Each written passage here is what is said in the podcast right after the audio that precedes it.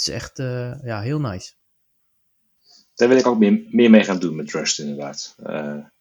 heel, heel interessant. Ja. Oh. Mensen worden er rustig van.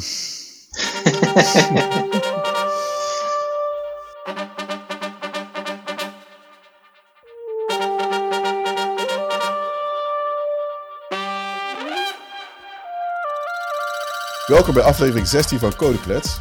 Uh, vandaag zijn weer de host Kiesjen en ik. Zoals vanuit. Dat is alweer uh, een poosje geleden dat wij het met z'n tweeën deden. Yes sir. Ja, zeker. En we hebben vandaag weer een hele leuke en interessante gast. En dat is Raymond Roestenburg. Ja, ja welkom Raymond. Dankjewel. Ik zei, oh, zag, wacht, sorry. Nou zeg ik Raymond en niet Raymond. Is dat, maakt er nog uit? Nee, dat maakt mij niet uit. Oké.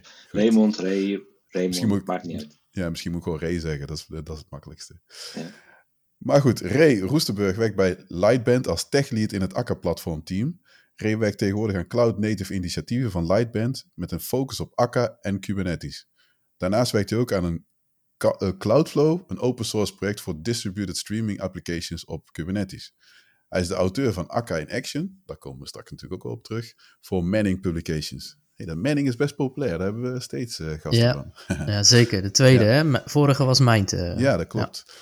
En hij is aan het coden sinds de Commodore 64 in de jaren 80. Kijk, dat is al een poos, uh, poos geleden, ja. welkom, welkom Ray. Cool. Dankjewel. Ja, ja.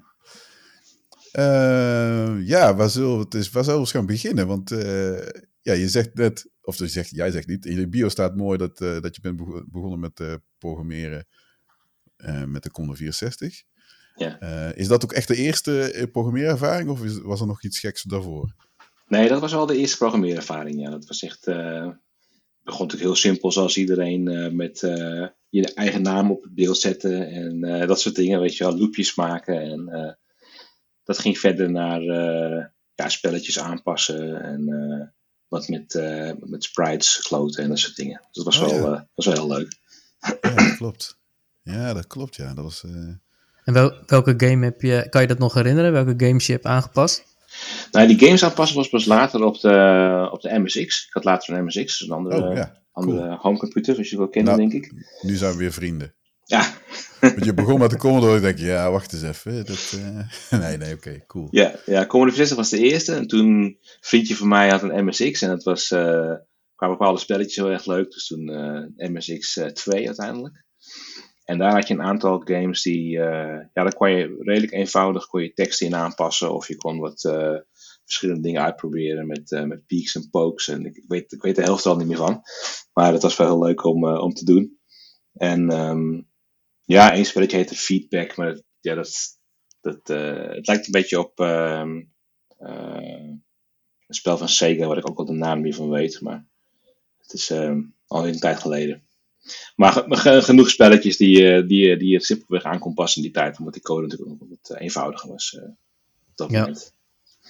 Ja, en, en, en uh, kan je nog herinneren wat voor programmeertaal het was? Of, Dat was in Basic. Ja, dat, was de, ja dat, dat, was voornamelijk in Basic. En er waren ook wel wat spellen die, die, die waren natuurlijk in, ja, waarschijnlijk in, in Assembler gemaakt.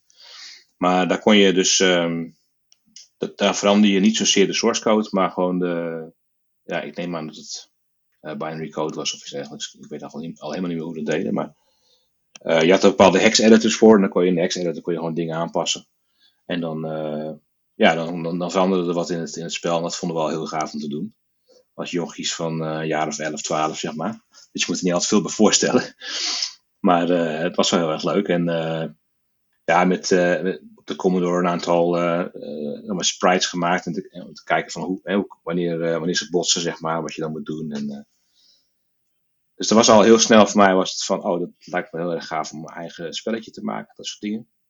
Daar is er nooit echt helemaal van gekomen. Ik heb wel wat gehobbyd met een aantal shoot'em ups van die, die ouderwetse shoot'em ups gebouwd. Game level designers gemaakt, dat soort dingen. Met DirectX en zo. Is alweer een tijdje verder natuurlijk in de tijd.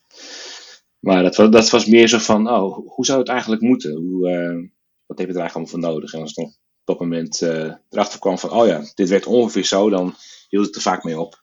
Uh, dus ik heb een aantal halve, halve games gemaakt, zeg maar, als hobby ooit. Gaaf man. Leuke Ja. tijd ook, denk ik. Ja, Ja, het was, ja. Ja, ja, het was super. Want het was, eh, ik weet ook nog dat je gewoon, eh, dat je een spelletje van de radio op kon nemen, weet je wel. Dat Ja. zo- Ja, Ja, dat gewoon van... eh, apart. op de, eh, de Tros had dat toch? Mhm. Eh, ik, weet niet, ik weet niet hoe het programma heet. Ja, dat klopt, ja. Dat kon je gewoon opnemen. Dat is echt bijzonder, toch? Ja. Dat je een radioprogramma neem je op en dan kon je dan afspelen. Het is, ja, afspelen en dan laat je dat programma in. eh, ja. Ja. Dat is wel- Ja, dat is wel heel, eh, was een hele interessante tijd inderdaad. Het was allemaal gewoon helemaal nieuw. En eh, ja, en je ging gewoon naar, naar vrienden of naar andere mensen die je dan tegenkwam van, oh, weet je hoe dat moet? En dan eh, had iemand weer een tooltje om wat te kopiëren of wat dan ook. En eh, ja, zo ging het verder. Ja. ja dat, dat was nog echt innovatie. Ja, Jongen, jongen. Ja, ja, precies. Voor, Ja. voor ons was echt, tenminste voor mij, ik zat ook een beetje in die tijd, want Commodore 64 was ook een beetje mijn, waar ik, die heb ik nooit gehad, maar daar ben ik wel door mee in aanraking gekomen met programmeren. En later ook de MSX2, ja. Hm. En eh, alles was gewoon, dat hebben we eerder ook wel eens besproken, maar alles, je, je had geen internet, dus je moest gewoon nee, boeken en, en via andere mensen moest je aan die informatie komen Ja. of zelf uitvinden. precies. Ja, dat is wel eh, ja, bijzonder. Kun je je eigenlijk niet meer voorstellen dat je dat nu, eh, bedoel, want i- Nee. iedere, iedere drie regels code die ik schrijf, heb ik Google nodig. dus dat is echt... Ja, ja, ja. ja, ja. Ja, ik weet ook nog, met mijn studie hadden we een, eh, moesten een moesten een soort animatieprogramma maken. Dat was op de HTS. En ehm, dan moest je op een bepaald moment natuurlijk bitmaps inladen. Dan had ik Ja. een boek, een boek van Charles Petzold. En dan, dan ging ik echt gewoon eh, pagina voor pagina overtypen, weet je wel. Ja. Die had gewoon niks. Nee, Dat is wel klopt. heel Ja. apart. Ja. Ja, en, en ik, ik kan me ook nog herinneren, op school over HTS gesproken, ehm, dat ik ook een keer zo'n ehm, een gameontwikkelvak had, een module of zoiets had gekozen. Dan was het inderdaad echt zo'n heel dik boek, wat, eh, hè, waar al die sprites ook eh, in uitgelegd werd en zo. En dan was het inderdaad letterlijk gewoon, eh, het was volgens mij heel veel in C, dacht ik, Ja, in ja, de ja. tijd. Mhm. En ja, dat was gewoon inderdaad gewoon overtypen, weet je wel. En dan hopen dat het weer ging werken. ja. Dus ja, dat was geen internet. Ik, ik las trouwens ook een heel interessant artikel van Container Solutions. Een tijdje terug. Ik, weet- die ken je wel, hè? De- Dat is best wel een, eh, een, eh, ja, best wel een, eh, een gaaf bedrijf ook. wat heel erg gericht is op Container Solutions. Hè? Mhm.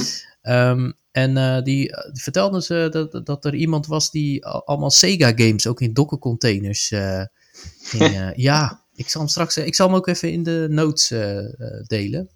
Ik vond dat ook wel bijzonder. Dat, dat Om het in een ook- container te doen, ja. Ja joh, bizar. Ja, En daarna ben je zeg maar, eh tenminste, nou goed, je, hebt, je zei net, je hebt op de ATS gezeten, je hebt eh softwareontwikkeling eh, gedaan, bla bla. Ja, ja. En, en wat, wat ben je daarna gaan doen? Ben je meteen, eh, eh, whatever, je, ik weet niet wat, ja, welk, welk jaar hebben we het eigenlijk over? Ik ben begon- begonnen met werk in eh 97. En toen heb ik een tijdje ook Oracle gedaan, Oracle Development eh, gedaan. Eh, dat ja, was een paar moment toch een beetje saai. Eh, toen ben ik wat meer, toch wel wat meer Java gaan doen, want ik was op, op HTS op het einde ook met Java bezig. En ehm, een tijdje bij de, bij de Telegraaf gezeten, bij de Financiële Telegraaf. Daar wel wat leuke dingen gedaan. En zo was het eh, ja, eigenlijk gewoon consultancy, zeg maar. Eh, Java consultancy eh, is dan voornamelijk eh, het werk geweest voor best wel wat jaartjes eigenlijk. Ehm, even kijken hoor. Toen ben ik zo rond 2003 ben ik naar eh, Zuid-Afrika verhuisd. Eh, ehm, mijn vrouw komt daar vandaan, dus eh, toen ben ik daarheen gegaan om daar te gaan wonen. Toen heb ik daar vier jaar gewoond. Toen heb ik ook daar eerst wat Java gedaan en toen .NET. Het bedrijf switchte over van Java naar .NET. Dat een paar jaar gedaan. Terug naar Nederland gekomen. met z'n tweetjes. en ehm, toen heb ik daar ook weer .NET gedaan voor zo'n twee, drie jaar denk ik. En toen weer een opdracht gedaan in Java. En dat was een, eh, een message broker voor, eh, voor eh, wegverkeer in Nederland. En toen kwam ik erachter van, ah, oké, dit, is, dit is toch wel vervelend af en toe, de concurrency problemen. Het was best wel, het was best wel pittig. En, ehm, en, en toen had ik mijn eigen soort van herbruikbare dingen gebouwd. Eh, maar ja, goed, natuurlijk niet, eh, niet, helemaal, eh, niet helemaal volledig. Het moest ook wel in dienst zijn van het project. En toen kwam ik op een bepaald moment Akka tegen. Volgde op dat moment Dean Wempler. die heeft ook wat boek over Scala geschreven en dat soort dingen. En die, daar heb ik later nog mee gewerkt bij uh, Lightband. En die zei ze van, oh je moet Akka 0.7 uitproberen via Twitter. Dus ik is dat nou Akka? Is dat, weet je wel? Dus ben ik gaan kijken en dacht ik, oh dit is precies wat ik moet hebben. Dit is gewoon helemaal wat ik ook eerder eigenlijk zelf, nou ja, in een veel minimalere zin natuurlijk, uh, gemaakt heb. Uh, met, met threads en een mailbox en queues en het handelen, van exceptions. En um, toen heb ik dat gebruikt in een project bij het bedrijf waar ik toen werkte, CSC. Voor de Koninklijke Marechaussee. Dat is een, bedrijf, een, systeem om bij de grens ja, allerlei activiteiten in de gaten te houden. Via camera's en radars, maar ook uh, via, via patrouilleauto's die rondrijden. En dat was dus een, uh, ja, een gedistribueerd systeem uh, met allerlei sensorlocaties. En ik zag daar al, al aankomen, al die verschillende sensoren, verschillende systemen, zowel in auto's gebouwd als boven de weg. Dus ook centrale systemen om die informatie weer terug te brengen. Dat dat gewoon een hele goede case zou zijn voor, of dat, een, dat een hele uitdagende case zou zijn met, met de traditionele concurrency en distribution tools, om maar even zo te zeggen. En toen kwam ik Akka tegen. En toen zag ik al heel snel, toen had het, het zag er vroeger anders uit, die website, maar daar hadden ze een, ja, een klein stukje code over wat een actor is, zeg maar. En dat, dat sprak mij meteen aan. En na even in de code te kijken en wie, het, wie eraan gewerkt had, et cetera, was het al, was al wel redelijk snel duidelijk van dit is niet zomaar een framework wat iemand eventjes open source heeft gezet. Het zijn gewoon een aantal vooraanstaande mensen die aan de, aan de, aan de internals van de JVM bij, bij JRocket, of hoe heet het? JRocket volgens mij, hebben gewerkt. Dus ja, dat was ik wel meteen geïnteresseerd. En ja, zo ben ik daar, zo ben ik daar terecht gekomen bij, bij, bij die akkentechnologie, zeg maar. Ja, ja. oké, dus dat, is, dat is wel grappig, want dat, dat je dan eigenlijk je eigen, tenminste de, de, de ideeën die je zelf ook al had, dat je die dan ergens anders, ja, op een grotere schaal misschien, ik bedoel, dat, ja. dat je die dan weer terugziet. Dat is ook wel een soort van bevestiging van, hey, ik zie je wel, ik zat goed. ja, dus ja het is... Ja, het is, het is heel lastig met, uh, met threads. Als je, oké, ik wil iets concurrent doen, oké, dan start ik een thread oké, hoe, hoe, communiceer ik nou met dat ding wat in die thread draait, hè, in die run method? Wat, wat ga ik doen? En dan kom je de primitieven tegen, dan kom je de verschillende queues tegen. Oké, ik kan iets, op een queue gooien en dan kan ik het daar eraf halen. Nou, dan gebruik je de verkeerde queue een keer en dan uh, loopt het helemaal in het, uh, loopt het helemaal mis, zeg maar. Uh, daarnaast hè, de, kunnen exceptions gegooid worden in die thread ja, wat doe je daar dan precies mee? Hoe communiceer je die? Ja, dan moet je eigenlijk weer een soort van uh, queue voor hebben of iets anders. Of, of, een, of een mechanisme dat je kan zeggen van, hé, hey, dit ding is kapot, hij moet opnieuw beginnen. En uh, daar had ik een uh, hele gelimiteerde, of tenminste, ik had het, zeg maar, het probleemdomein had ik gelimiteerd gezien in mijn applicatie. En dat ging toch ook niet altijd helemaal goed, zoals bij iedereen.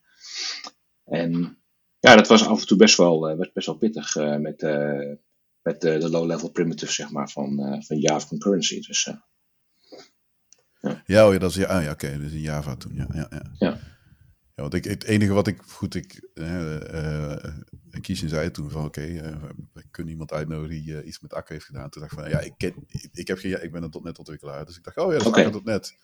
En je weet gewoon, dat is bijna heel veel van die projecten, zeg maar open source projecten, waar .NET achter staat, dan weet je waarschijnlijk is er een project zeg maar, wat eigenlijk van Java afkomt.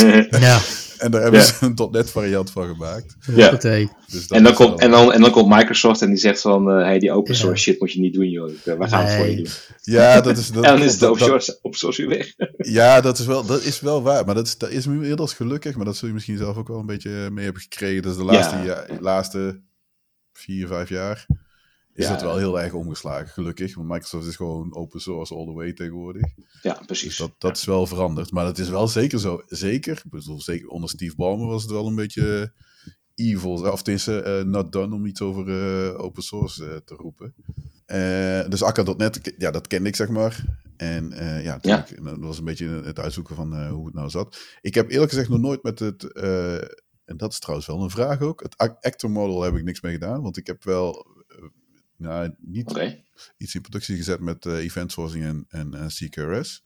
Mhm. En gedistribueerde systemen. Dat is ook wat, wat we voor de, de, de, de opname ook al een beetje zeiden. Van ja, het is een beetje, uh, hoe zeg je dat? systemen worden steeds ja, complexer misschien wel. Mhm.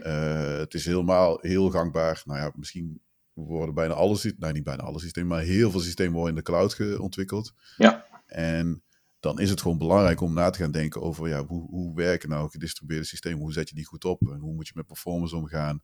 Uh, ja. ja. wat, ga je, wat voor architectuur ga je gebruiken? Ga je uh, monolithen, een monoliet gebruiken of neerzetten? Of wil je microservices gebruiken? En daar komen best wel allerlei vraagstukken komen naar boven. Want het is, ja, de, iemand die enorm veel ervaring heeft, zal nooit zeggen dat het ingewikkeld is of moeilijk. Maar het is wel een complex verhaal. Je moet aan de best veel dingen denken. Oh ja. Uh, dus, en, uh, dus binnen die, ja, die gedistribueerde systemen, zeg maar, is, is Akka een van de manieren om zeg maar, zoiets op te lossen. Of, zie je dat anders? Of is dat, kun je dat toelichten? Ja, ja, ja, zou je kiezen? Ja. ja, Akka is, een, is begonnen als een soort van toolkit waarin je uh, een aantal tools hebt die voor uh, dit soort situaties handig zijn. Dus, um, uh, en daar is het mee begonnen. Dus initieel was het een, een, een actor, actor-based library, zeg maar. En daar werd steeds meer bovenop gebouwd. Was altijd wel vanuit het begin al bedoeld als actors zijn zowel lokaal als, als distributed. Uh, dat was altijd het idee. En daar zijn verschillende, over de jaren heen verschillende modellen voor gebruikt om dat uh, te uiten, zeg maar. Dus initieel kon je konden twee actors met elkaar praten over een remote connection. En nu uh, is dat een beetje uitge... hoe zeg je dat? Is dat, is dat uiteindelijk terechtgekomen in een, een clustertechnologie. Dus je kan actors in een cluster hebben. maar dat is niet dat is niet het, uh, totale, het totale beeld. Want je kan, je kan zeg maar, uh, ja, alle dingen in de toolkit gebruiken of een klein gedeelte daarvan. Dus, um, uh, dus daar zit best wel veel ruimte in. Hè? Je kan zeggen van ik gebruik die dingen wel, die dingen niet. Er zit bijvoorbeeld ook CRDT support in. voor de, die, die replicated data types, zeg maar, conflict-free replicated data, types. Om, uh, om voor bijvoorbeeld om uh, zoiets als uh, docs.google.com te maken, dat je tegelijkertijd schrijft in een document, zodat het wel uiteindelijk eventually klopt, hè, wat je opgeschreven hebt. Um, en er zit, maar er zitten dus ook bijvoorbeeld persistent actors in. Um, en die kan je weer gebruiken voor een situatie waar je je systeem partitioneert of shard in, uh, in verschillende entities. En waarbij je ja, heel erg hoog kan schalen. In de zin van in-memory stateful processen. Dus um, het Actor-model bestaat eigenlijk uit een aantal onderdeeltjes. Of het bestaat uit een. Um, of nee, dat is misschien niet de makkelijkste manier om het uit te leggen. Wat het, wat het lastig maakt, zoals ik al eerder ook al zei met die, met die threads, is dat um, uh, het lastig is om te communiceren tussen threads. Of om uh, ervoor te zorgen dat je niet een of andere fout maakt in concurrency, waardoor je race condition krijgt en al dat soort dingen. Dus de, het actor model is een ander soort model waarin je praat in de vorm van actors. Dus een actor is een soort van object waar je, tegen, waar je berichten naar kan sturen. En um, die actor kan dan weer reageren met berichten. Dus het is heel erg uh, berichtgedreven, als als je dat zo kan kunnen zeggen. En uh, een aantal garanties uh, worden daarbij gesteld. En dat is dat als jij een actor schrijft en je krijgt een berichtje binnen, of je krijgt berichten binnen, dan krijg je die berichten altijd één voor één binnen. Dus je kan een soort van, ja, dat heet een receive kan je schrijven, waarin verschillende soorten berichten binnen kunnen komen. Dus bijvoorbeeld een bericht heet ping en dan stuur jij een bericht terug pong. Dan maakt het niet uit van wie die berichten komen of hoe concurrent ze aankomen. Als echter zijn, dan kan je ze één voor één verwerken. de, het, het sturen van de berichten en het ontvangen van de berichten is allemaal asynchroon. Dus je, je wacht eigenlijk nooit. Je bent nooit aan het, aan het blokken op iets. Dus je bent, je bent geen thread aan het vasthouden of wat, dan ook. En dat, alleen, dat al, alleen dat principe al, zeg maar, dat je uh, heel eenvoudig één voor één berichten kan afwerken, dat is een heel groot voordeel. Uh, een actor kan ook andere actors maken. Dus je kan een soort van uh, hiërarchie maken van, uh, van parents and children, om het zo maar even te zeggen. En wat daar ook heel erg interessant aan maakt, is dat als een actor, uh, als wat fout gaat in een actor, dan is het uh, standaardmodel om er eigenlijk niet veel aan te doen en gewoon om die actor te laten crashen. Wat er dan gebeurt, is dat de parent van die actor doorheeft van, oh, er is iets verkeerd gegaan en die kan dan bepalen wat er moet gebeuren. Dus in plaats van dat je alle problemen op moet lossen uh, in het, op het laagste niveau van je applicatie, kan je zeggen, ik hou er gewoon mee op, ik geef het, aan, uh, ik geef het door naar boven. En dan kan op het hogere niveau, misschien ook wel op basis van meer informatie, want uh, er kunnen meerdere actors zijn, kan dan een beslissing genomen worden. Dus dat is in zekere zin, ehm, als ik het zo heel snel uit probeer te leggen, het, het actor-model. Je, je ontvangt berichten, je verstuurt berichten. En, en uh, alles wat je doet is eigenlijk in, in een zekere zin single-threaded. In de zin van je, je, elke keer heb je een berichtje. En wat nog belangrijk is, is dat die actors, daar kan je er miljoenen van hebben. Dus een, een thread is heel erg zwaar. Uh, misschien heb je max 400 threads of, of 1000 threads, zeg maar. Maar bij de actors kan je naar de miljoenen actors gaan als je dat wil. Dus ze hebben sowieso veel minder geheugen nodig. En eigenlijk wat ze doen onder water, uh, delen actors een thread pool. Dus al die actors die draaien op een thread pool, dat heet een, in een dispatcher. En um, al die berichten die gaan op een soort van queue. Elke, elke, elke actor heeft een mailbox. En die mailbox die wordt door de, die wordt door de dispatcher heen geduwd naar de actors uh, die die berichten uh, kunnen verwerken. Dus daar zit een samenspel. Uh, maar dan, maar door, dat, door die opzet kan je dus ook kiezen voor een, een andere dispatcher voor jouw toepassing. Als je zegt van nou ik wil gewoon een fixed thread dispatcher, ik wil gewoon vier threads hebben. En daar ga ik al mijn actors op draaien. Dan gaan die actors die draaien dan boven die vier threads. En die, die gaan dan automatisch, zeg maar, krijgen ze hun beurt, om het zo maar even te zeggen. En dat is redelijk ja, precies. fair, dus kunt... fair schedulen. Ja, precies. Dus je kunt aangeven van hoeveel resources mag dit systeem als het ware, dus het volledige ja. uh, gebruiken. Door, door ze te, te, ja, een restrictie uh, uh, ja. uit te geven. Of, ja, goed. Oké, okay, ja. Nou hoor ik hè, in, in Akka dat de actor model een, een rol speelt. Zijn er ook, ook andere dingen die een rol spelen binnen Akka? Ja, er zijn best wel veel. Dus, nou ja, het heeft wel altijd qua concept te maken met actors. Er is nog iets anders en dat heet uh, streams. En streams zijn eigenlijk een uh, hoger level programmeermodel bovenop actors. Dus daar kan ik misschien zo meteen iets meer over zeggen. Maar uh, zeg maar, het, het, het, het concept van actors staat wel heel erg centraal in Akka. Ehm, nou is het wel zo dat er ook natuurlijk... Het Akka-team heeft ook allerlei dingen gemaakt met actors. Ehm, niet per se om om de gebruiker te forceren om actors te laten gebruiken. Dus bijvoorbeeld, uh, er is een library Akka HTTP. En daarmee kan je HTTP afhandelen. En Akka gRPC is een andere. En die hebben allemaal API's of DSL's, hoe je, hoe ze wil noemen. Die niet per se het noodzakelijk maken dat jij een actor maakt. Dus je kan dan gewoon zeggen van als het een, een get of een post, complete met een oké, weet je wel, dan, dan schrijf je geen actors. Maar uh, Akka HTTP is wel geschreven.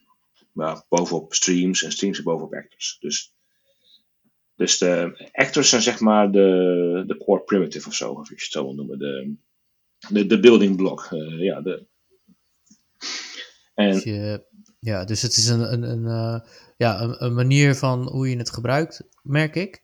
En uh, je kan het ook zonder actor models ook uh, eventueel. ja, het is zeg maar de, de, de primaire building block van de toolkit. En in de toolkit zitten andere tools die het net een level hoger maken. Dus dan hoef je niet met, met de meer primitieve tool misschien te werken, maar met een DSL.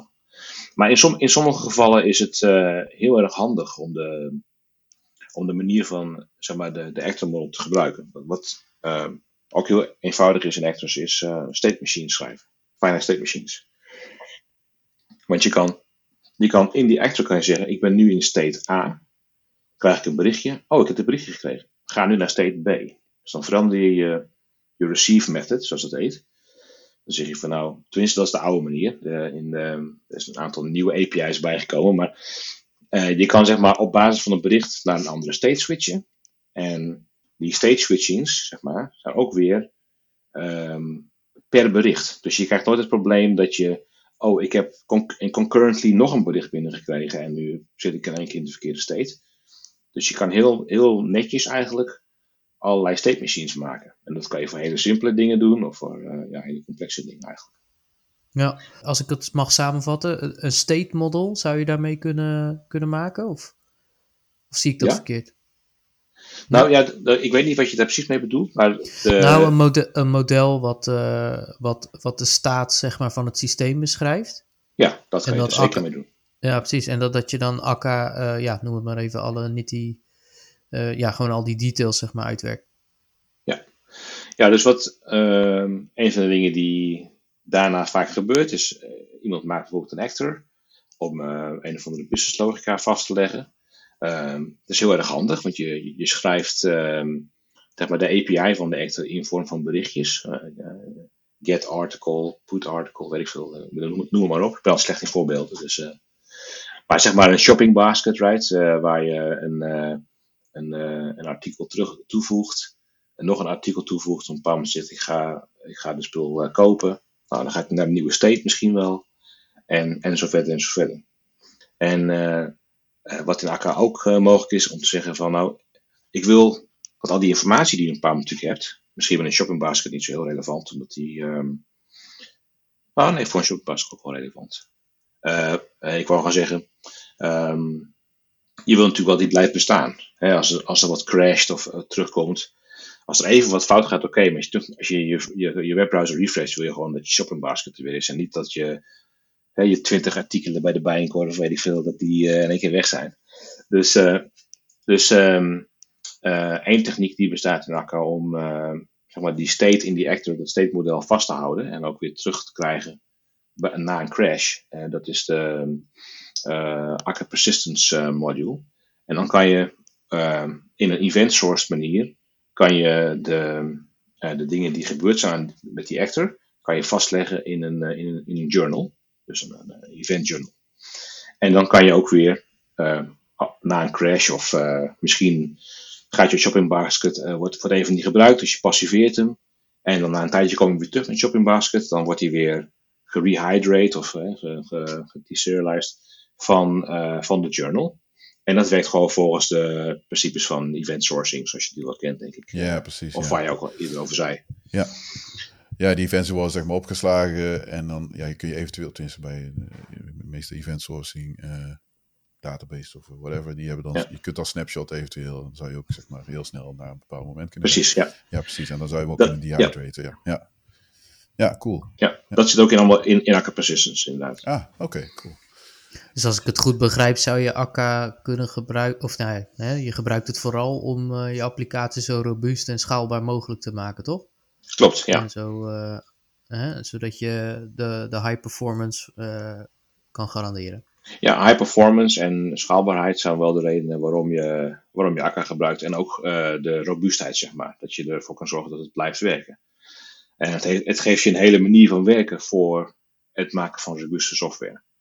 Uh, door middel van uh, ja, door, door, middel van het feit dat die actors elkaar dus ook uh, kunnen opvangen als het ware, als er een probleem ontstaat. En ja, die, die, die Akka Persistence, ehm, daarin uh, is er ook een module, die hoeft niet per se te gebruiken, maar dat gebruikt al bijna iedereen. Dat heet cluster sharding.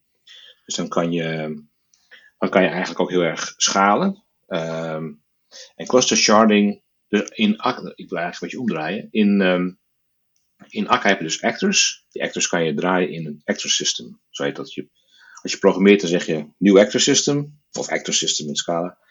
En dan uh, zeg je, oké, ik start mijn, uh, mijn, uh, mijn main actor. Dat is een, een, een hoofdactor. Een, een guardian wordt het vaak genoemd. En dan daaronder maak je meer en meer actors die het echte werk gaan doen. En dat is natuurlijk wel, wel leuk, maar dan heb je maar één JVM, zeg maar, die draait met een aantal actors erin. En uh, Akka heeft daarnaast dus ook Akka Cluster. En Akka Cluster zorgt, zorgt ervoor dat die actors die je in je actor system hebt, dat die over een cluster van nodes um, aanwezig zullen zijn. En, en dan in cluster heb je weer een aantal tools. En een daarvan is cluster sharding. En die zorgt ervoor dat als jij zeg maar zegt van, hey, ik moet shopping, basket 1 hebben. Dan weet Akka Cluster, oh wacht even, er is nog geen 1, die ga ik aanmaken. Ik ga hem aanmaken op node 3 bijvoorbeeld. Right? En dan houdt hij bij, uh, qua partitioning, van oké, als er berichten komen voor shopping basket 1, dan ga ik altijd naar node 3, want daar zit een region met allerlei actors erin. Um, die daar worden ge gespawned, zeg maar, die daar worden gecreëerd. En zo kan je dus een heel schaalbaar systeem maken die uh, uh, ja, over meerdere nodes heen uh, al die state, al die, al die actors verdeelt. Oké. Maar wat ik, wat ik dan wel begrijp, tenminste als ik het goed begrijp, dan zijn, er qua ja, moet er infrastructuur, ja, dat is ja, goed, voor lack of better words, zeg maar. Mm -hmm infrastructuur. Want er is zeg maar iets waar, waar al die uh, actoren in leven. Dus als je net ook aangaf, dat systeem dat start. En dan Ja. maak je actoren daarin aan. En dan zijn er dus bepaalde. eh, ja, is daar iets. Ja, dat hoef je niet zelf te programmeren. Maar dat wordt door Akka aangeleverd. Om te zorgen dat dat dan kan eh, plaatsvinden, zeg maar. Dus dat ze eventueel eh, messages met elkaar eh, eh, aan elkaar doorgeven. Of, of moet je daar zelf iets voor doen? Hoe, hoe, eh, hoe werkt dat, zeg maar? Dus stel dat er bijvoorbeeld actor 1 iets wil sturen naar actor 2. Wordt dat Ja. dan voor jou gedaan? Of hoe... hoe eh, Dan wordt, dat, dan wordt dat in zekere zin voor je gedaan. Ehm, eh, dat is niet. Als jij zeg maar van actor 1 met actor 2 wil praten, eh, dan, dan, dan moet je van actor 2 de actor reference hebben. En, en die actor reference die kan je op verschillende manieren verkrijgen. Je kan ook maar vragen aan, aan, aan het actorsysteem. eh, heb jij een actor met, deze, met dit pad? Dus alle actors zitten achter een soort van uniek pad als het ware. En eh, actor references kunnen ook wijzen naar een remote machine. Of kunnen ook wijzen naar een, een, een actor op het cluster. Dus er zijn verschillende manieren daarvoor. Alleen ehm, ja, in zijn algemeenheid, wat je normaal gesproken zou doen, is dat je zegt van nou, ik ga gewoon een aantal eh, JVM-processen opzetten. En die JVM-processen die eh, configureer ik in Akka als onderdeel zijnde van hetzelfde cluster. Die hebben ook allemaal, gebruiken ze dezelfde code. En ehm, bij het opstarten van zo'n cluster eh, is er een bootstrap moment om het cluster aan elkaar te connecten als het ware. Dus die actor systems die, die zien, oh, er is eentje up, ik ga ook up. Dan is er een bepaalde leader, dan is een soort van exchange, een soort van handshake die gewoon gebeurt. En op een bepaald moment worden die al die nodes worden onderdeel van dezelfde groep, krijgen dezelfde group membership, zoals het heet. En op dat moment kunnen de actors in het cluster met elkaar praten. En wat er vaker gebeurt, is dat je gewoon zegt van nou, ik ga een eh, cluster sharding systeem opzetten voor shopping baskets bijvoorbeeld. En de ene shopping basket praat niet met de andere shopping basket. Dat is niet zo, niet zo snel iets wat er gebeurt. Maar het zou wel kunnen zijn dat je eh, ja, misschien een andere, een andere service of iets wat gedeeld is door verschillende actors aan, aanspreekt via een bepaalde actor reference. Alleen, eh, ja, er zijn dan wel wat. ehm, eh, ja, er zijn heel verschillende manieren om het natuurlijk te doen. En wat wij nu proberen te doen bij, bij Lightband is ook om op een, een platform guide. Of dat proberen we niet, die hebben we. We hebben een platform guide. Om, om je uit te leggen van hoe ga je dit nou allemaal doen. Want er zijn heel veel keuzes. En ik weet nog van eh, heel lang geleden. Dat ik als consultant eh Akka overal ging, eh, ging doen, zeg maar. Dan eh, werden altijd eh, veel dezelfde vragen gesteld. Van ja, hoe gaan we waarom moet ik hier nu een actor gebruiken? Of hoe gaan we ervoor zorgen dat ze allemaal in het cluster draaien? Of hoe, zorgen we ervoor dat, het altijd, uh, dat die altijd blijft bestaan? Of dat er uh, van sommige dingen moet ik er altijd één hebben. In plaats van één in het hele cluster. Want het is één centraal ding of iets dergelijks. Dus daar, ehm, omdat het dus zo'n toolkit is waar je heel vrij uit kan kiezen, is het ook voor veel mensen best wel een lastig, een lastig ding om, om zomaar even mee te beginnen. Want er zijn heel veel onderdelen. En daarom hebben wij, nou, weet niet hoe lang we dit al doen, in ieder geval, in ieder geval wel een paar maanden, hebben we de, de Akka Platform Guide. En die laat je zien hoe je microservices met Akka schrijft op een uh, opinionated manier, zeg maar. Dus in de vorm van event sourcing, in de vorm van events, in de vorm van views, wij noemen dat projections. En in de vorm van, uh, ja, in, in de vorm van die, zeg maar die persistent actors die ik net zei. En dan ook in combinatie met, met gRPC. Dus, en daar hebben we nu ook recentelijk hebben we daar een product voor gebouwd voor, voor Amazon. Dus je kan nu in Amazon kan je de Azure Cloud Platform kan je, kan je vinden. En daar, daarmee kan je gemakkelijker op Kubernetes zo'n Akka microservice deployen, zeg maar.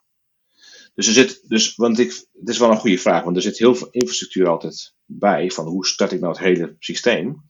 En dat is best wel een uitdaging voor veel mensen. Uh, en dat is ook een van de redenen waarom ik eerder uh, aan Cloudflow gewerkt heb. Cloudflow is ook een, een, een, een project van uh, Lightband doet iets vergelijkbaars, maar dan voor streaming applications. Dus voor real-time streaming applications en in combinatie met streaming platforms. Want er moet gewoon altijd weer wat ergens draaien, weet je wel. En tegenwoordig is bijna altijd Kubernetes, dus ja, daar heb je gewoon uh, wat hulp bij nodig vaak. En ja, je noemt net Light, Lightblend. kan je daar iets meer over vertellen voor mensen die het nog niet kennen? Ja, Lightband is het bedrijf wat uh, achter uh, Akka zit eigenlijk. Het heette vroeger Type, TypeSafe.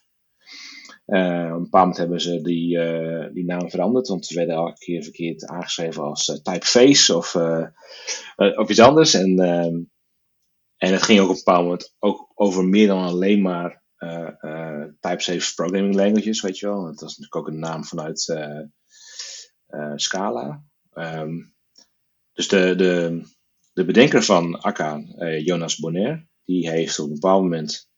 Um, die is begonnen met Akka, een bedrijf eromheen gestart, dat heette toen Scalable Solutions. En uiteindelijk uh, zijn ze gaan praten met Martin Odersky, uh, de maker van, van Scala. En die hebben toen samen een bedrijf gestart. Um, ik weet niet, tien jaar geleden denk ik. Ja, tien jaar geleden ongeveer. En um, die zijn een bedrijf gestart, TypeSafe. En die wilde dus ja, die, combinatie van, van Scala en Akka aan de markt brengen. En uiteindelijk is Lightband uh, de nieuwe naam van dat bedrijf al een hele tijd hoor. Maar uh, dat, is, uh, dat is het bedrijf wat dus achter, ja, achter Scala zit en achter, achter Akka, Akka de toolkit.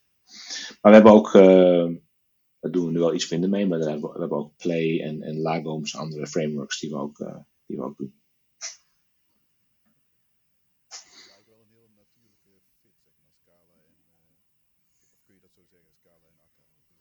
Ja, vind ik zelf wel. Je, we zijn ook heel erg gefocust op de Java community. Uh, want er zijn gewoon veel meer Java-programmeurs dan Scala-programmeurs. Uh, ik vind het zelf uh, ja, vele malen fijner in Scala. en um, ja, Java is natuurlijk wel heel erg gegroeid over de tijd en heel erg verbeterd. het gaat ook steeds sneller nu hè, met, die, met die nieuwe versies en zo. Maar ja, voor mijzelf persoonlijk is de Scala nog steeds favoriet. Ja ja, voor je favoriete taal, ja. Favoriete taal, sorry, ja. Ja, nee, dat maakt niet, dat maakt niet uit. Het is voor mij, ik kijk van buiten, zeg maar. Ik hoor, ik, weet je, ik ben, je bent net ontwikkelaar, dus dat is echt precies het andere kant, zeg maar. Uh, maar dan hoor ik, ik hoorde wel heel vaak mensen over Scala spreken en dan heel positief. Zo van, oké, okay, uh, als ja. ik eenmaal Scala doe, dan wil ik eigenlijk niet meer terug uh, naar Java. Dus dat, dat hoor ik wel vaker, dat sentiment. nou, het is ook zo dat ik op een bepaald moment deed dus Java. Mm -hmm. En toen ben ik in zekere zin geforceerd om .NET te gaan doen. Uh, dat maakt hem trouwens niet uit hoor, want ik, ik vind het gewoon allerlei tools die je gebruikt. Hè. Ik bedoel, uh, het is zo simpel, zo simpel is het. Maar toen kwam ik in C-Sharp en dat was toen net 2.5, net Framework 2.5 en dan 3, of was het 3.5? 3.5. Ja, dus, dus ze hadden een 2 codebase en toen zijn we naar 3.5 gegaan. En daar zag ik al heel veel voordelen van dingen als Link en andere, andere zeg maar, functional programming style uh, kwam daar steeds meer naar voren. En first class functions en dat soort dingen. Dus dat vond ik eigenlijk wel, heel erg gaaf. Toen, ja, toen kwam ik op een ander project van, eh, ja, we moeten het in Java doen. Oké. En toen, ah oh man, dit is toch wel even weer een stap terug. op dat moment, hè. En um, toen ik daarna uh, Akka zag staan met een voorbeeld uit Scala, dacht ik, wow, maar dit is, dit is precies wat ik wil. Dit is eigenlijk uh, nog beter dan, dan, dan C-Sharp, in die zin, in die functional programming zin, zeg maar. En uh, wat het allemaal bood. Dus, um, en een soort van, hè, een hele, um, een stijl waar je veel minder hoeft te typen, zeg maar een concise, af en toe ben ik het Nederlands een beetje kwijt, maar een, een, een, beknopte, een beknopte taal, zeg maar. Um, en ja, een hele goede support voor, uh, voor collections en dat soort dingen. En voor alle dingen die je normaal gesproken tegenkomt. Hè. De, eh, er is iets, er is niets, zeg maar. De option uh, types en alle andere dingen die je zo tegenkomt. Dus ja, Scala is wat dat betreft nog wel steeds een favoriet. Het, wat ik ook wel eens van mensen is, ja, dit is gewoon veel te moeilijk voor mij, joh. Ik niet. en, ja, en het, en komt, het komt ook omdat er er zijn, er zijn mensen ook bezig met Scala om zeg maar die lat nog verder te leggen. Dus die doen research en die gaan hele, hele complexe dingen proberen. Uh, die voor iedereen, die voor de meeste mensen te ver gaan of ook onnodig zijn. Maar in Scala zelf zit ook een hele, hele uh, functionele, uh, en dan bedoel ik niet functional programming, maar hele functionele core van simpele dingen die heel goed werken. Dus je hoeft niet al die hele moeilijke dingen te gebruiken. Maar daar worden mensen wel door afgeschrikt. Um, dus dat, uh, dat wordt nu een beetje in de, in de nieuwe versie wordt het getracht om het een beetje simpeler te maken voor, uh, voor iedereen. Want ja, wie wil nou iets, iets zo complex? Maar, uh... ik, ik zat ehm, laatst nog een artikel te lezen over Scala en um, ja, het vinden van goede developers hè, in Scala.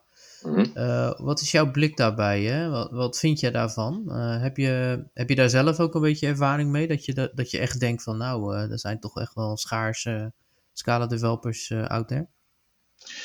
Ja, dat is een beetje een, een gek verhaal. Want ehm, toen ik dat project begon, voor het eerst met Scala, toen waren er geen Scala mensen. En toen heb ik gewoon een aantal collega's gevraagd, wie wilde graag iets nieuws doen? Nou, er waren er genoeg. En um, toen ik mensen in, me ging interviewen, uh, een daarvan was uh, de jongen waar ik samen dat boek mee geschreven heb, Rob Bakker. die was ook geen Scala-programmeur, maar dat was een hele ervaren Java-programmeur. En die zag het ook wel zitten om wat nieuws te gaan doen. En die waren, toen waren we als team, ik denk met een man of vier, initieel. we waren binnen, nou misschien twee weken of zo, waren we, waren we gewoon, nou, twee weken, drie weken misschien, waren we zeker gewoon goed bezig, zeg maar. Dus um, ik denk niet dat je per se iemand moet hebben die al uh, zeg maar, jarenlang Scala doet of zo. Dat is natuurlijk wel leuk, maar ik denk niet dat het, uh, dat het, dat heel ver weg is voor, voor mensen om daarmee, te, om daarmee te beginnen. Alleen je moet wel naar die kleinere set, naar die simpele set van, uh, van dingen kijken. Dus als je meteen gaat naar. Er zijn een aantal mensen die in de Scala-wereld die veel meer geïnteresseerd zijn in de, de pure functional programming kant. En de pure functional programming kant in de, in de zin van Haskell. Dus dan krijg je, dan krijg je heel veel um, abstracte uh, modellen, et cetera. En dat is gewoon niet voor iedereen, uh, simpel gezegd. Dus uh, als je dat soort mensen wil vinden, ja, dan moet je of een Haskell persoon vinden of, een, of iemand vinden die echt die, die hele manier van Scala in pure functional programming echt ziet zitten en ook goed begrijpt. Er zijn zeker voor- en nadelen aan, maar um, ik denk dat goede programmeurs sowieso lastig te vinden zijn, die echt goed zijn. Maar tegelijkertijd denk ik ook dat goed, een goede programmeur niet alleen maar door technische skill uh, wordt bepaald. Zeg maar. De, ik heb ook wel eens met mensen gewerkt die technisch heel goed, heel goed waren, maar daar kwam verder toch eigenlijk niks uit. Op wat voor manier dan ook. Dus, dus ja, het is wel zo als je puur kijkt naar, ik wil een Scala-programmeur hebben met vijf jaar ervaring of zoiets, dan wordt het een lastige, lastige uitdaging inderdaad. Dat is wel zo. Als je zegt van nou, dat is mijn maatstaf. Maar als je zegt van nou, ik wil gewoon een goede programmeur hebben. Ehm, en iemand die graag Scala wil leren, dan is het weer heel anders. Want wij hebben ook iemand uh, in ons team al heel lang. En die had uh, wel wat met Scala gespeeld. Maar die was gewoon 20 jaar C programmer. Ja, dat kan helemaal goed. Maar ja, er zit ook wel een risico aan als je alleen maar blijft bij wat je al kent. Uh, want in, juist in deze business uh, moet je blijven leren. Ik bedoel, um, ik heb nu denk ik zo'n drie jaar met Kubernetes gewerkt. Ja, dat moest ik toch allemaal gewoon oppakken. Dan kan ik niet zeggen, oh, dat wil ik alleen maar in Scala doen. Dat kan helemaal niet. Dus je moet ook, uh, je moet ook wat, wat Helm charts en wat Golang en allerlei verschillende dingen komen langs. Bash scripts, maakt niet uit, makefiles je hebt gewoon heel veel verschillende dingen nodig om echt iets werkend te krijgen. En uh, ik kijk altijd naar mensen van, kan jij iets werkend krijgen? Kan je iets voor elkaar maken? Dat is eigenlijk het belangrijkste. Ja, ja zeker. Zeker. Ja, nee, maar ik begon even over dit onderwerp, omdat uh, ja, er zijn toch ook wel, het is best wel schaars om uh, Scala developers en misschien ook wel de goede, hoe je ze ook wil noemen, zeg maar, mm-hmm. om die te vinden. Ehm, dus ik was even nieuwsgierig naar hoe uh, bijvoorbeeld Lightband daarnaar kijkt. Hè? Van, ja, hè? Dus wat ik je, aan jou hoor in ieder geval is dat het voornamelijk gaat om ja, dat je waarschijnlijk ook gewoon go goed in concepten denken bent. En dat je inderdaad ja, dus wij... wil blijven leren. Nieuwe dingen blijven ja. proberen. Mm -hmm. Ja, wij, wij, wij nemen niet alleen maar mensen aan die, die alleen maar Scala programmeren. Dat, dat sowieso niet. Uh, maar uh, we hebben natuurlijk wel een voordeel als we mensen willen aannemen die Scala willen programmeren. We zijn nogal een, ja, een, een, een, focal point zeg maar, voor Scala-programmeurs. Dus het is voor ons veel makkelijker om een Scala-programmeur binnen te krijgen dan een bedrijfje ergens in Nederland die wat Scala-programmeurs zoekt. even kijken. ik wilde nog even kort nog even over jouw boek hebben. Misschien ook wel leuk om, ja. om even daarbij stil te staan. Ehm, hoe, hoe kwam dat was weer een tijdje geleden. Ja, hè? Want wanneer, heb je je boek, wanneer is je boek uitgekomen? En kan je er iets meer over vertellen? God, wanneer was het weer? Ik krijg zoeken. Ja, ik zou het niet Ik weet het eigenlijk niet meer. Het is al, het is al wel zeker wel... Even kijken, dat is in ieder geval ja, vijf, vier jaar mag ik zeggen geleden. Ja. Het heeft me ook heel lang geduurd. ze zeggen ook altijd tegen je van uh, als je denkt dat je een boek gaat schrijven, doe het niet. Je, je, kan, je kan nog meer geld verdienen als je s'avonds bij de Burger King gaat werken. Nou, dat, um, nou ja, voor sommige boeken natuurlijk niet waar, maar voor de meeste IT-boeken, ja, je wordt er niet schatrijk van of zo natuurlijk. Dat is ook niet de reden waarom je het doet. Maar het is zeker hard werk. En dat heb ik ook wel wat onderschat. en Gelukkig had ik uh, iemand die het samen met mij wilde doen. Dat was uh, Rob Bakker, die jongen waar ik al eerder over had. Uh, een van de eerste projecten die we samen deden. En um, wat, er, wat er gebeurde was, ja, Manning die was aan het zoeken naar iemand om het akkerboek te schrijven. die hebben toen natuurlijk het akkerteam zelf gevraagd van, hebben jullie interesse? Nou, die hadden niet heel veel tijd. Ik was ondertussen al wel bezig als contributor op het akka-project. En uiteindelijk zijn ze dan bij mij uh, terechtgekomen. Dus ik weet niet hoeveel mensen er mee hebben gezegd. Om het zo maar even te zeggen, voordat ze bij mij kwamen. En uh, toen dacht ik al van, oh, dit is zoveel werk. Maar tegelijkertijd ook wel heel erg leuk om te doen. En een mooi doel om te hebben, weet je wel. Een, een boek in je kast met je eigen naam erop. Dat, dat, dat, dat, sprak me wel aan. En, maar ik wist al wel van, nou, dat gaat me nooit lukken in mijn eentje. Dus toen heb ik aan, aan Rob toen gevraagd van, wil je meedoen? En zo is het eigenlijk begonnen. En later heeft een andere, andere jongen uit Amerika, die heeft nog meegeholpen met de tekst, Rob Williams. Maar wij zijn toen met z'n tweeën daarmee begonnen met het boek. Ja, en hoe, lang, ja, hoe lang heb je er ongeveer over gedaan? weet je dat? ja, dat weet ik nog. Ja, dat is ongeveer vier jaar geweest. Vier jaar, zo. En dat is, um, kijk, eigenlijk wil zo'n wil zo'n publisher, die wil dat je ongeveer binnen zes maanden klaar bent. Wow. Dus, dus wat, er, wat er gebeurde was, ik had dan nooit een boek geschreven, Rob ook niet. En, ehm, dus je krijgt dan eerst een development editor. Dus die gaat, die gaat je uitleggen, zo moet je een boek schrijven. Of dit zijn onze manieren van hoe je een boek schrijft. En ja, toen zijn we ook heel lang bezig geweest met het eerste hoofdstuk van hè, waarom zou je nou Akka moeten hebben. En uh, goed, dat was een, uh, niet, niet een heel eenvoudig verhaal om het heel goed uit te leggen op dat moment. En, en Akka die veranderde heel erg veel over de tijd. Die was nog erg in ontwikkeling. Dus we hebben ook uh, hoofdstukken geschreven die nooit in het boek terecht zijn gekomen, want die zijn in een latere versie van Akka verwijderd of vervangen door iets beters. En ook weet ik nog dat ik we waren op een bepaald moment klaar. En toen kwam net een heel belangrijk uh, ding uit, Akker Streams. En uh, ja, nee, dat moet toch in, hè, dat boek. Ja, hoe gaan we dat doen? Want daar hadden we zo niet mee, nog niet mee gewerkt. Dus toen was het ook van, oké, dan moet ik eerst leren hoe het werkt. Precies weten hoe het werkt. En dan kan ik er een hoofdstuk over schrijven. Nou, dat kan je ook wel merken in het boek, dat, dat we daar wat minder kaas van hadden gegeten op dat moment, zeg maar. Dus het blijft, het blijft redelijk op een beginnersniveau. Uh, maar dat soort dingen ja, maakt het heel moeilijk. En, uh, en als je dan niet. Je moet zeg maar zo'n 16 uur per week aan je boek werken. Als je het redelijk op tijd wil. En dat, dat is best wel veel. Dat is zeg maar een heel weekend, elke, elke week. Elke week ben je je weekend kwijt. Of je moet heel gedisciplineerd elke dag een twee uurtjes werken eraan. En uh, ja, op een bepaald moment gaat dat, wordt dat gewoon te veel. En dan, dan stop je er weer even mee. En dan uh, heb je weer later een plek dus dat is wel, uh, als het je heel goed ligt, misschien, is dat misschien makkelijker. Uh, ik vond het wel altijd heel leuk om dingen uit te leggen en om uh, ook presentaties erover te geven, dat soort dingen.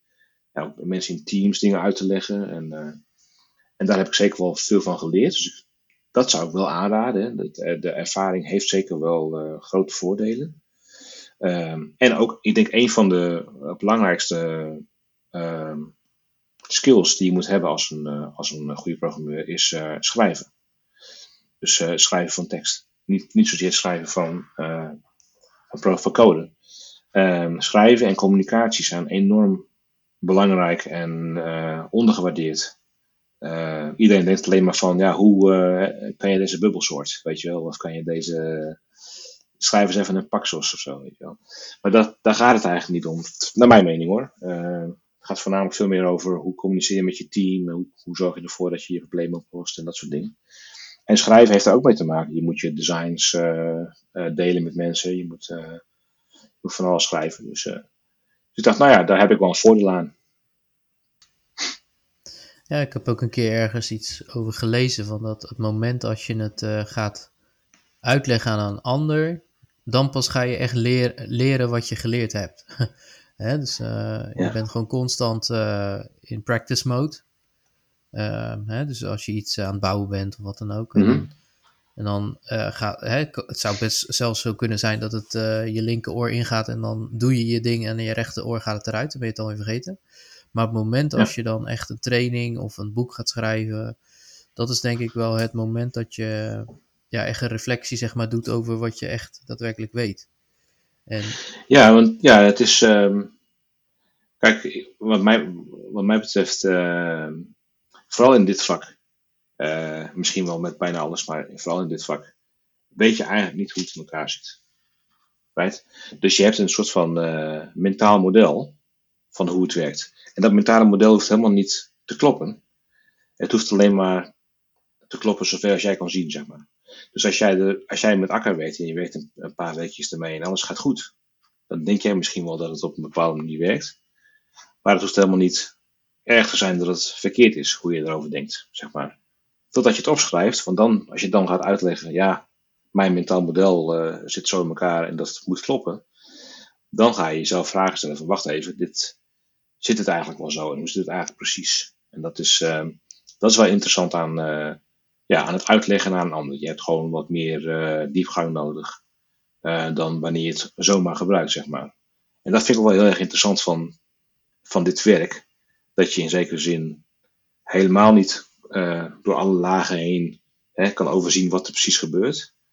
Maar dat, je, dat iedereen eigenlijk voor zichzelf een soort van mentaal model maakt. En daarmee uit de voeten kan. Dat we dan toch nog dingen kunnen bereiken. Want Dat vind ik wel een heel interessant idee, dat je op de, zeg maar op de schouders van uh, The Shoulders of Giants, weet je wel, dat je daar bovenop staat. Dat is wel uh, heel gaaf. Ja, gaaf joh. Ja, en, uh, en het schrijven hè, van het boek zelf. Um, hoe, hoe, hoe, is je dat bevallen? Hè? Uh, kan je daar iets meer over vertellen? nou, in, initieel was het wel leuk. En aan het einde dacht ik, wanneer houdt dit op? oh jee. ja, het is echt, uh, nou ja, je gaat op een bepaald moment.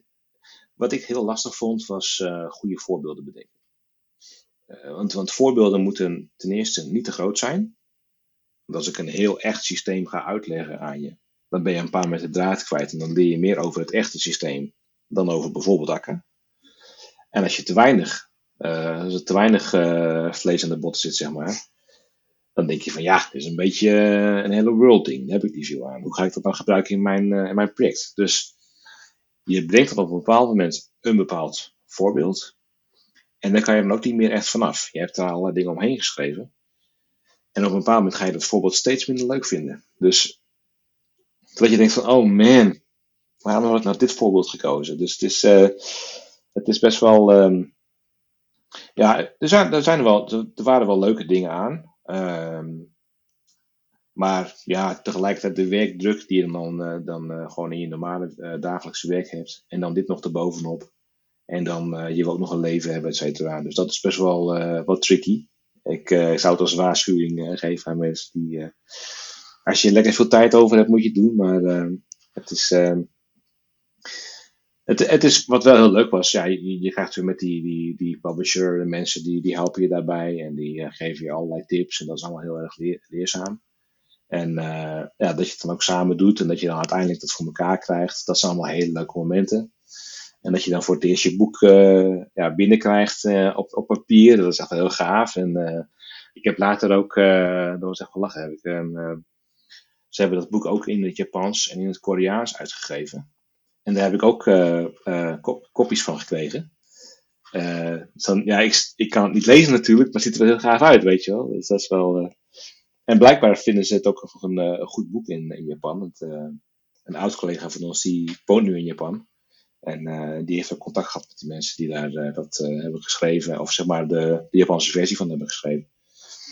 En ehm, ja, dat is gewoon allemaal, dat zijn allemaal hele leuke dingen, zeg maar. Van, dat je het voor elkaar hebt gekregen om het boek af te maken.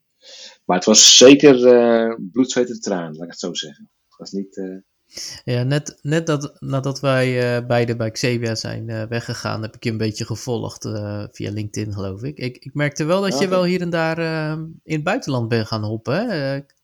je hebt toch wel wat landen mogen werken, of heb ik dat verkeerd gezien? Ja, Nee, dat klopt. Ja, zoals ik al zei, ik heb in Zuid-Afrika gewoond. Maar ja, mijn, mijn vrouw komt daar vandaan. En op een bepaald moment lange afstandsrelatie. Dat, dat moet op een bepaald moment een korte afstandsrelatie worden. Anders dan wordt het niks natuurlijk. en dus daar. Maar ook ehm, ja, op een bepaald moment een leuke opdracht. als zeg maar Scala freelancer in, in Sydney bij de Commonwealth Bank. Ja. gekregen. En ehm, ik werd gewoon door iemand benaderd van, ja, god, wil je dat doen? En ja, is goed zeg ik, maar dan moet je wel alles regelen. En ja, is goed. Oh, wacht even. Dit wordt interessant. Dus, dus ehm, ja, zo ging het. En de eerste drie maanden ben ik dan met familie zeg maar daarheen gegaan. Dus dat was echt heel gaaf. dat we midden in de stad daar. En dan ging ik daarna ging ik elke, wat was het? Elke drie maanden ging ik drie weken naar Sydney. En dat heb ik zo'n 2,5 jaar gedaan, denk ik. Ja, 2,5 jaar gedaan. Maar omdat ik dus ook. Uh, het maakte niet uit waar ik was, zeg maar. We hebben ook twee keer een half jaar in Zuid-Afrika weer gewoond. En dan kon mijn vrouw weer bij haar ouders en zo uh, contact. en ook onze dochter kon dan met grootouders en zo contact houden. Dus het was ideaal op dat moment. Mm -hmm. Rockstar. geluk, gewoon geluk. Ja, ja, ja. Nee, ja. Nou, ik, uh, het lijkt me wel leuk om uh, ja, de, de, de, de uh, developer dilemma's nog eens een keer te gaan doen. Ja, ja hè? Ik, ik weet niet wat het is. Dus ja. Prima, ja. Nou, het is een beetje gejat van de, de, developerdilemma's.org, geloof ik uit mijn hoofd.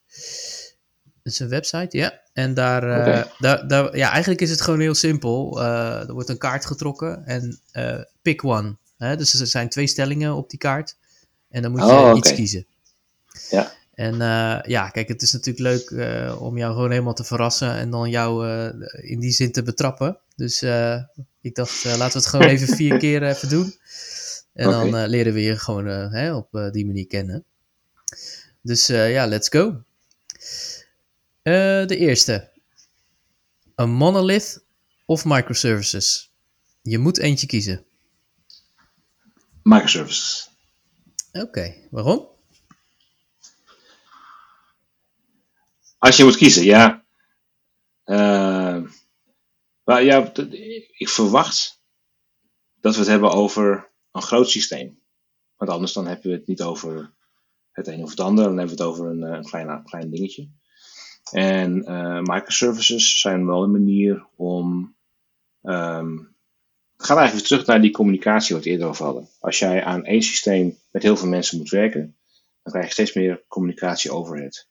Dus um, een groter systeem opsplitsen in, um, in bekende interfaces, in, uh, in, en in een duidelijke verantwoordelijkheid per onderdeel, uh, is een goede manier om, om een, een groter probleem op te splitsen in kleine problemen. En in, in, die, in die zin zie ik dat een microservice daarin een goed idee is. Ook omdat je daarin als team of als subteam verantwoordelijkheid kan nemen voor een kleiner onderdeel van het probleem. Maar daar ook redelijk vrij in bent in het, uh, het aanpassen en het veranderen van, van, de, van de software. bij de monolith zit je meteen weer vast aan, we moeten alles samen deployen, maar ook samen version control, samen alles. Dus um, ja, bij de microservices moet je wel wat meer qua design doen en wat, wat meer nadenken over die juiste kaders, zeg maar, de juiste constraints. Maar uh, bij, bij grotere systemen zie ik daar wel een voordeel in. Natuurlijk hebben microservices ook een nadeel, hè, de, chaos die kan ontstaan, maar, maar daar zijn ook wel weer uh, methodes en technieken voor uh, waar je ervoor kan zorgen dat het minder een gevaar wordt. Voor standaard protocollen kiezen, voor standaard dingen als Kafka of message buses kiezen. Dus ja, ik ben daar wel, ik ben er wel uit. Dus we, dus we zouden je niet gelukkiger maken als we een project voor je uitkiezen waar monolith wordt gekozen. Nee, dat, dat, dat, maakt dus echt niet uit. Ik bedoel, kijk, je moet het probleem oplossen. En je moet gewoon wat je ook moet doen, je moet het voor elkaar krijgen. En ook een monolith kan je, kan je mooi doen. ik bedoel, al die jaren voordat mensen microservices benoemden, hebben we ook genoeg gemaakt. En het is niet een, is geen, hoe zeg je dat, een silver bullet. Ja. ja. Nou, hartstikke goed. Fijn, dankjewel. Uh, het is goed om uh, ook weer jouw kant van het verhaal te horen. Uh, nou, we gaan naar, door naar de volgende hang on, monorepo of multiple repo's? Oeh. Ja. Ja, vanwege de microservice kan ik zeggen multiple repo misschien. Vooral als je verschillende teams hebt. Maar ik vind dat wel een lastige. Want um, uh, ik heb allebei gedaan in, in, in, in vorige projecten. En ook geswitcht van de een naar de ander. Zowel van de een als naar de ander. Dus een monorepo heeft natuurlijk duidelijke voor, voorbeeld, voordelen in uh, dat je niet elke keer hoeft te releasen, et cetera, van je subonderdelen. Dus dat gaat, geeft wel een beetje de voorkeur. Alleen dat kan dus niet in elke situatie. Uh, bijvoorbeeld in, die, in, in dat microservices systeem wat we net over hadden, is dat duidelijk een, voordeel. Omdat als je hele duidelijke kaders hebt, hele duidelijke afscheidingen hebt in systemen, dan, heeft dat wel, dan kan het wel zin hebben. Maar ja, goed, er zijn natuurlijk ook genoeg bedrijven die hun hele bedrijf in een monorepo doen. Dus dat wordt, ik heb wel het idee dat dat redelijk zwaar wordt in, in Gitflow of iets anders, om het allemaal een beetje in kaart te houden. Maar... Ja, volgens mij hadden we ook een keer een aflevering, toen hadden we het over dat sommige repo's echt zo groot werden dat men echt met USB-sticks en zo met elkaar moesten gaan delen, weet je nog? Zo, ja echt hè. En dan, had je in ieder geval via USB had je alles binnen kunnen trekken. Maar, maar ja, dan moest je dan ook weer. Ja, het is echt bizar af en toe. Maar goed. Uh, nee, joh, het blijft lastig hè. Deze is inderdaad een it depends. Uh, dat gevoel krijg je elke keer weer. Uh. Ja, ik heb ook eerder wel eens hadden we allerlei losse repo's. Maar toen na een tijdje, ja, dan krijg je vooruitschrijdend inzicht. Kwamen we dachten van hé, hey, dit heeft eigenlijk allemaal met elkaar te maken. Nou, dan zijn die allemaal weer naar één repo gegaan. Dus ik denk dat dat ook een, iets heel natuurlijks kan zijn om, om, om die vraag telkens te blijven stellen. En niet per se te zeggen het is het een of het ander, maar op basis van context uh, te bekijken. Ja, het is uh, wat mij betreft ook vergelijkbaar met best practices. best practices die volg je als je het nog niet helemaal weet. En nadat je dat al heel lang gedaan hebt, kom je er misschien achter van wacht even, dit is helemaal niet het ideale ding in onze context. Dus ja, niet vast komen zitten is een heel belangrijk ding om voor te waken. Zeker. Zeker. Oké, okay. nou gaan we door naar uh, de derde. assembly of COBOL. Wow. oh, ik moet kiezen. Man. COBOL. Ja, ja, COBOL. Als, voor wat ik moet doen elke dag? Ja, COBOL. Nee, als ik, als ik gewoon iets, iets als ik een, uh, een parallel interface of zo moet schrijven, of iets voor een, uh, voor een, een of andere, van een of andere chippy of zo, dan Assembler. Maar uh, als iemand zegt van maak even een website in Assembler, no ways. nee, dat kan niet. gewoon te veel werk. als, je zegt, als je zegt welke vind je leuker, dan is Assembler veel leuker. Je kan daar hele leuke dingen mee doen. Er zijn allerlei trucjes die je kan vinden. En, ja. Oké, nou dan gaan we naar de laatste. Clean code of good documentation? Clean code. Ja? Ja, clean code, ja, clean code heeft geen documentatie nodig dan. Hè? Dat is een beetje de... ah, oké. Okay. Dat is open deur deze. beetje, nou, ja, Kijk, uh, wat voor documentatie, right? Uh, um, documentatie op code is, uh, is in een uitzonderlijke situatie noodzakelijk. Als je iets heel complex doet, dan zou je dat kunnen doen. Um, ik moet zeggen dat ik tegenwoordig steeds minder documenteer op code. En ja, we hebben er nog geen, nog, nog geen nadeel van, van gehad, maar ja, het kan soms zijn dat de opdrachtgevers die, dat, uh, die vereisen dat. Of je schrijft een, uh, een API, dan moet je heel veel documentatie hebben voor de API, maar niet voor de private parts. Dus en clean code is, dat moet je sowieso doen. in de zin van, ja, code wordt vaker gelezen dan geschreven, et cetera. Maar ik ga daar ook niet te ver in. Dus je kan ook te veel polijsten. Je kan te veel daarmee bezig zijn en niet je deadline halen bijvoorbeeld. Dus technical debt is oké, okay, eh, zolang als je maar het wel in de gaten hebt. Je kan niet, je kan niet te, gek, uh, te gek gaan, maar uh, alleen maar puur focussen op clean, clean, clean. Ja, daar kom je ook, daar kom je ook weer nergens mee, zeg maar. Het moet wel, uh, je moet wel doelgericht bezig zijn. dat waren ze. Okay. Ja, joh. Wat, wat vond je ervan? Ben je aan het zweten geweest, Raymond?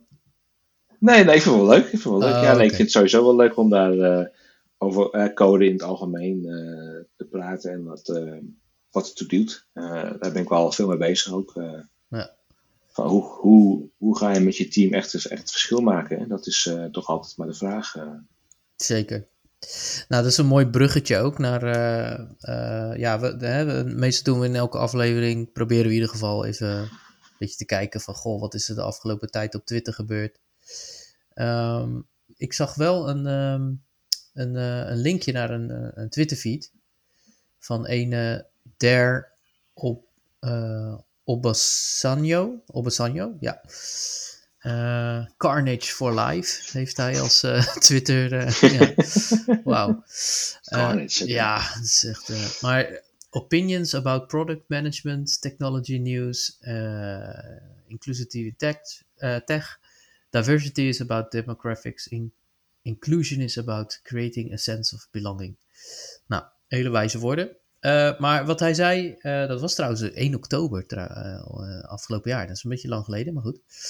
Um, the longer I'm in tech, the more I'm convinced that microservices were a technical solution to our organizational problem. Ja, dat klopt wel, ja.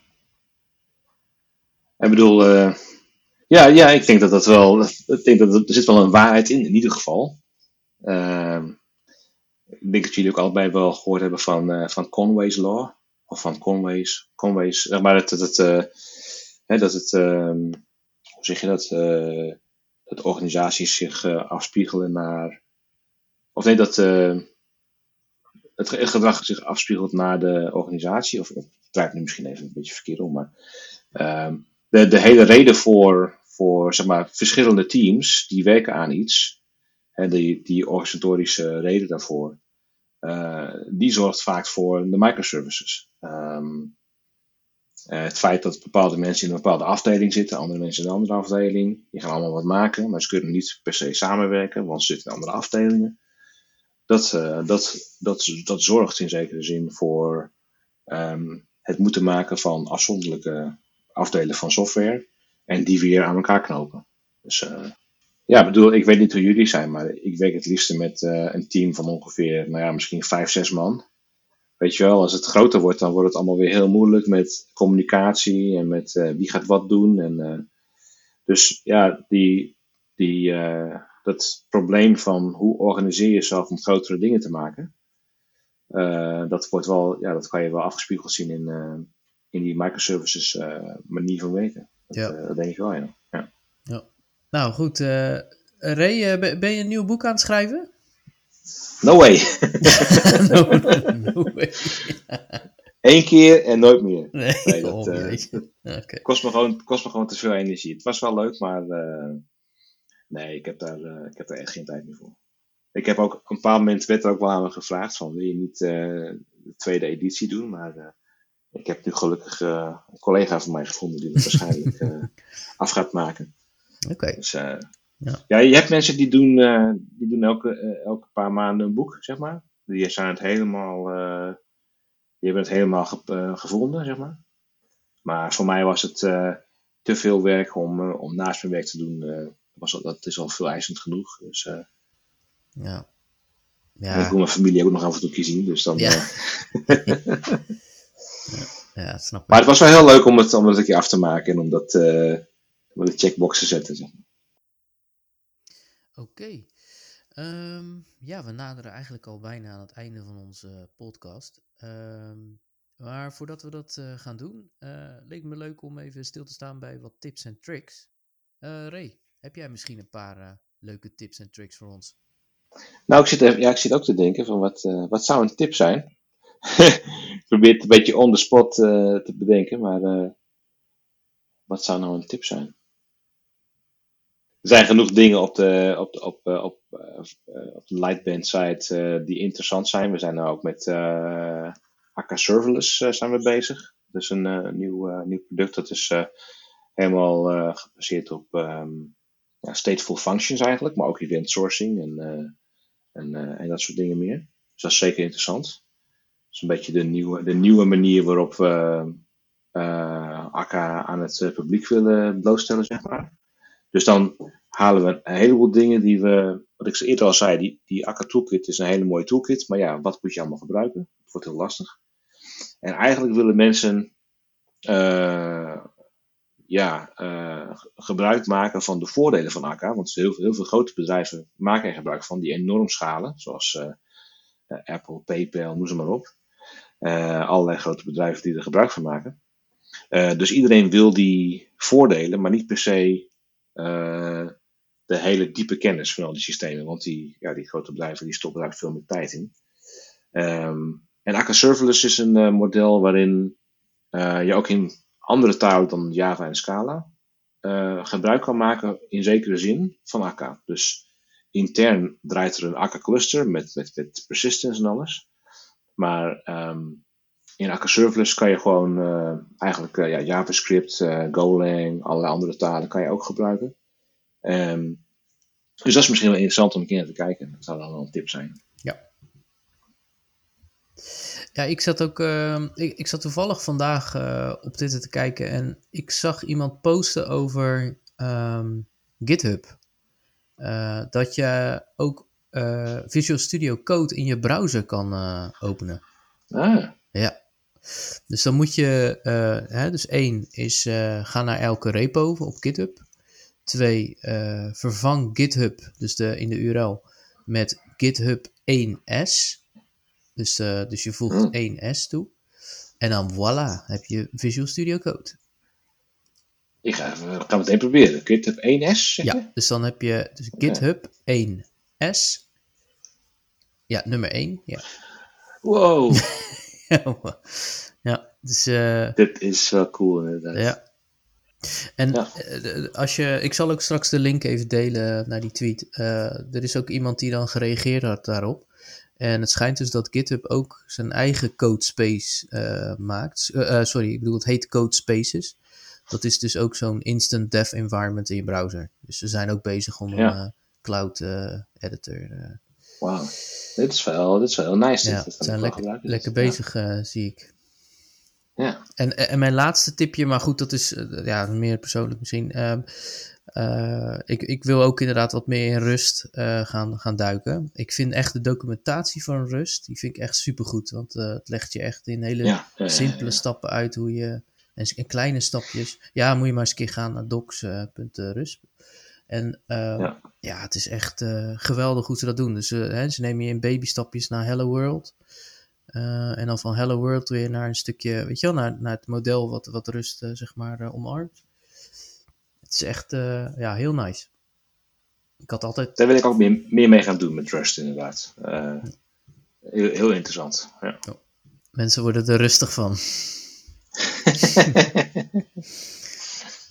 Zo, beste mensen, dat was hem weer, hè? Ja, we gaan nu echt eh, richting de afronding van onze podcast. Eh, allereerst eh, wil ik Raymond weer bedanken. Thanks man voor je deelname aan deze podcast. Alsjeblieft. We vonden het volgens mij allemaal hartstikke leerzaam. Ik denk dat we ook nu Akka beter begrijpen in de software development landscape. Dus ja, super thanks daarvoor.